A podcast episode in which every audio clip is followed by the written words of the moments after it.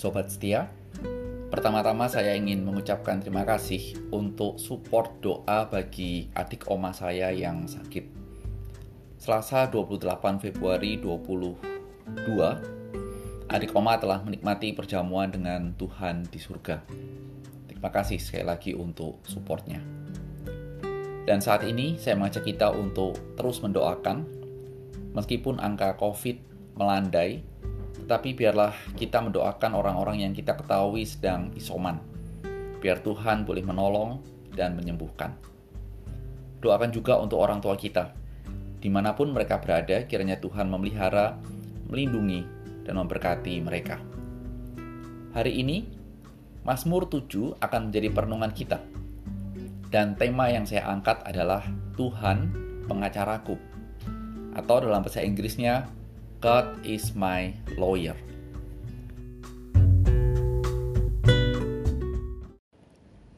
Mazmur 7 Nyanyian ratapan Daud yang dinyanyikan untuk Tuhan karena kus orang Benyamin itu. Ya Tuhan Allahku, padamu aku berlindung. Selamatkanlah aku dari semua orang yang mengejar aku dan lepaskanlah aku. Supaya jangan mereka seperti singa menerkam aku dan menyeret aku dengan tidak ada yang melepaskan. Ya Tuhan Allahku, jika aku berbuat ini, jika ada kecurangan di tanganku, jika aku melakukan yang jahat terhadap orang-orang yang hidup damai dengan aku, atau merugikan orang yang melawan aku dengan tidak ada alasannya, maka musuh kiranya mengejar aku sampai menangkap aku dan menginjak-injak hidupku ke tanah dan menaruh kemuliaanku ke dalam debu. Bangkitlah Tuhan dalam murkamu, Berdirilah menghadapi geram orang-orang yang melawan aku, bangunlah untukku ya engkau yang telah memerintahkan penghakiman. Biarlah bangsa-bangsa berkumpul mengelilingi, mengelilingi engkau dan bertahtalah di atas mereka di tempat yang tinggi. Tuhan mengadili bangsa-bangsa, hakimilah aku, Tuhan apakah aku benar dan apakah aku tulus ikhlas. Biarlah berakhir kejahatan orang fasik, tetapi tegurkanlah orang yang benar Engkau yang menguji hati dan batin orang, ya Allah yang adil. Perisaiku, perisai bagiku adalah Allah yang menyelamatkan orang-orang yang tulus hati. Allah adalah hakim yang adil dan Allah yang murka setiap saat. Sungguh kembali ia mengasah pedangnya, melentur melentur busurnya dan membidik. Terhadap dirinya, ia mempersiapkan senjata-senjata yang mematikan dan membuat anak panah menjadi menyala. Sesungguhnya, orang itu hamil dengan kejahatan, ia mengandung kelaliman dan melahirkan dusta. Ia membuat lubang dan menggalinya, tetapi ia sendiri jatuh dalam pelubang yang dibuatnya. Kelaliman yang dilakukannya kembali menimpa kepalanya dan kekerasannya turun menimpa batu kepalanya. Aku bersyukur kepada Tuhan karena keadilannya dan bermasmur bagi nama Tuhan yang maha tinggi.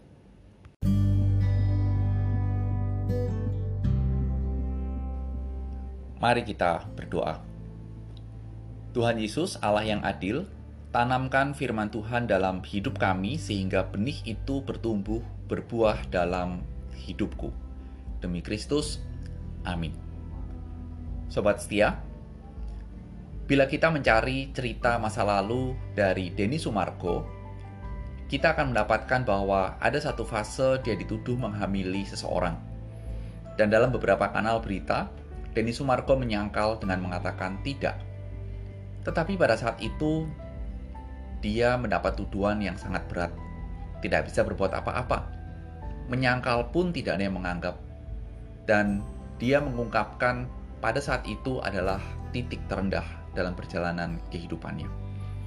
Cerita ini bagi saya sederhananya adalah dituduh melakukan sesuatu yang tidak diperbuat. Kira-kira seperti itu kurang lebihnya. Bagaimana rasanya? Apabila kalau apalagi kalau tuduhan itu digemakan seakan-akan sudah terbukti. Ini buktinya dan lain sebagainya. Hal seperti ini bisa merusak dan membunuh karakter orang seumur hidup. Dan mungkin sobat setia pernah mengalami peristiwa yang kurang lebih 11-12, kurang lebih sama dengan kehidupan atau cerita dari Denny Sumargo. Pertanyaan yang harus kita pikirkan adalah, Bagaimana meresponi hal, hal seperti itu? Tidak jarang peristiwa itu terjadi. Bagaimana kita bisa memperoleh pertolongan untuk memulihkan nama baik yang sudah terlanjur rusak, dan lebih lagi untuk bisa bertahan hidup di dalam perjalanan kehidupan yang kita tidak tahu sampai kapan. Mazmur 7 memberikan keterangan bahwa Mazmur ini dinyanyikan oleh Daud karena Kus orang Benyamin. Kita perlu bertanya, lah apa hubungannya dengan introduksi dan orang Kus, orang Benyamin dan Mazmur 7 ini? Sobat setia ini latar belakangnya. Ada apa dengan Kus dan apa sih yang diperbuat oleh Kus terhadap Daud sampai Mazmur 7 dituliskan oleh Daud? Kalau kita pelajari, kita teliti, Nama ini tidak muncul di tempat lain dalam Alkitab. Kira-kira ya hanya di Mazmur 7 ini.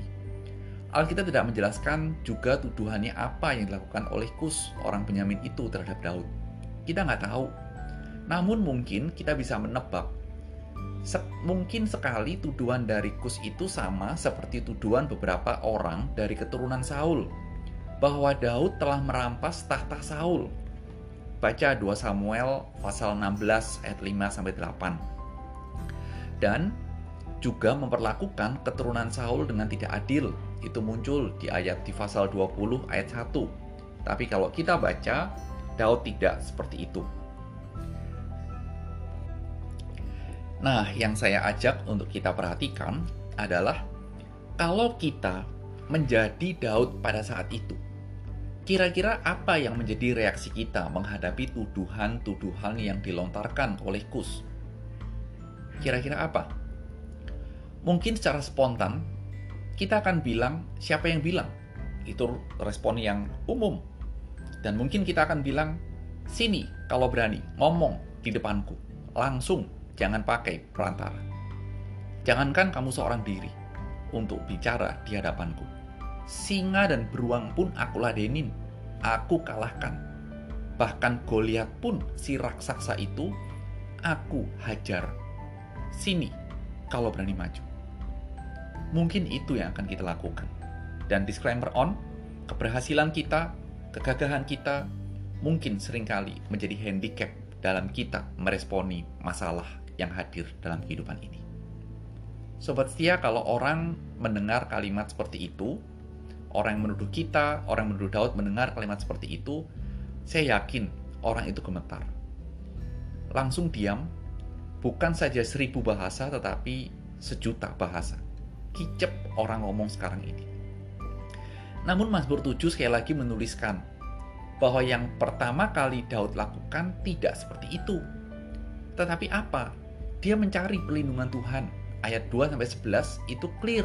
Dia mencari yang namanya pelindungan dari Tuhan.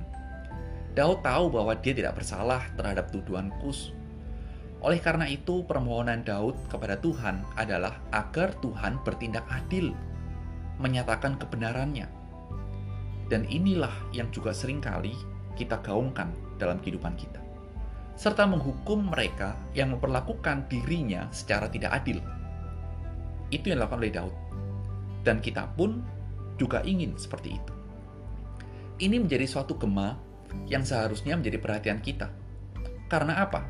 Karena yang dilakukan oleh Daud benar-benar mencerminkan apa yang diajarkan oleh Alkitab secara khusus oleh Rasul Paulus dalam Roma 12 yang mengatakan bahwa saudara-saudaraku yang kekasih, janganlah kamu sendiri menuntut pembalasan, tetapi berilah tempat kepada murka Allah. Sebab ada tertulis pembalasan itu adalah hakku. Akulah yang akan menuntut pembalasan firman Tuhan. Kira-kira sederhananya begini. Kalau kita membalas, kita akan membalas seperti apa sih? Tapi ketika kita diminta untuk memberikan tempat kepada murka Allah, bukankah itu satu hal yang menakutkan, yang mengerikan untuk orang yang berbuat jahat? Seringkali dalam kehidupan kita, kita mau keadilan itu ditegakkan dan dijalankan sesuai dengan apa yang menjadi pikiran dan standar kita. Bahwa adil itu di mana orang yang bersalah harus mendapat ganjaran dan hukuman yang setimpal dengan perbuatannya. Bahkan, kalau bisa, lebih. Kalimat terakhir memiliki muatan emosi balas dendam dari diri kita. Benar atau tidak, silahkan nilai sendiri. Dan konsep ini sedikit banyak muncul ada di sekitar kita. Sebuah drama film Korea, Taxi Driver, saya tonton karena satu sesi karena satu sesi satu sesi satu one session begitu. One session tidak terlalu panjang. Saya tonton.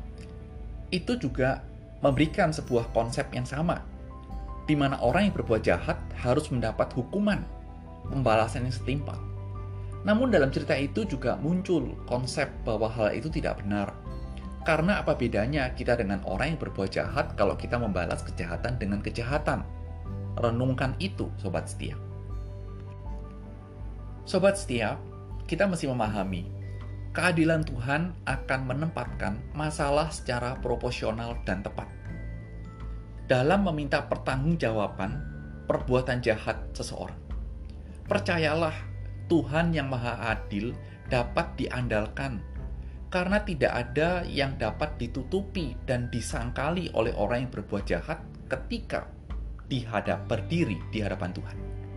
Percayalah, Tuhan juga akan membongkar kejahatan mereka. Kejahatan yang dilakukan oleh orang-orang jahat. Dan hal ini menjadi peringatan keras buat orang-orang yang punya motivasi jahat. Orang yang suka, tanda kutip, berbuat jahat. Daud percaya bahwa Tuhan dalam keadilannya dapat membalikan rencana jahat mereka menimpa diri dengan sendiri. Mereka menimpa diri mereka sendiri. Kalau kita belajar dari Mazmur 7, dimulai dengan seruan minta tolong kepada Tuhan. Lalu Daud mengakhiri dengan bersyukur karena Tuhan pasti berlaku adil terhadap dirinya dan orang-orang yang jahat itu akan mendapat keadilan di hadapan Tuhan. Dalam menjalani kehidupan kita, ada begitu banyak peristiwa yang menggores hati dan hidup ini. Tuduhan, hujatan, ejekan, dan lain-lain. Semuanya tidak benar, tapi harus kita telan. Namun biarlah Tuhan yang menjadi pengacara kita. Yakinlah pengacara kita bukan sekedar pengacara seperti di pengadilan, tapi Tuhan adalah pengacara dan juga hakim yang adil, yang tidak akan meloloskan orang yang berbuat jahat cepat atau lambat, Tuhan akan bertindak, membela kita, membela orang-orang yang menderita, karena berbagai tindakan ketidakadilan yang dibuat oleh orang-orang lain terhadap hidup kita. Ingat, Tuhan adalah pengacaramu dan hakim yang adil. Tuhan, tenangkan hati kami dan hidup kami dengan boleh percaya penuh kepadamu sebagai pembela dan hakim yang adil.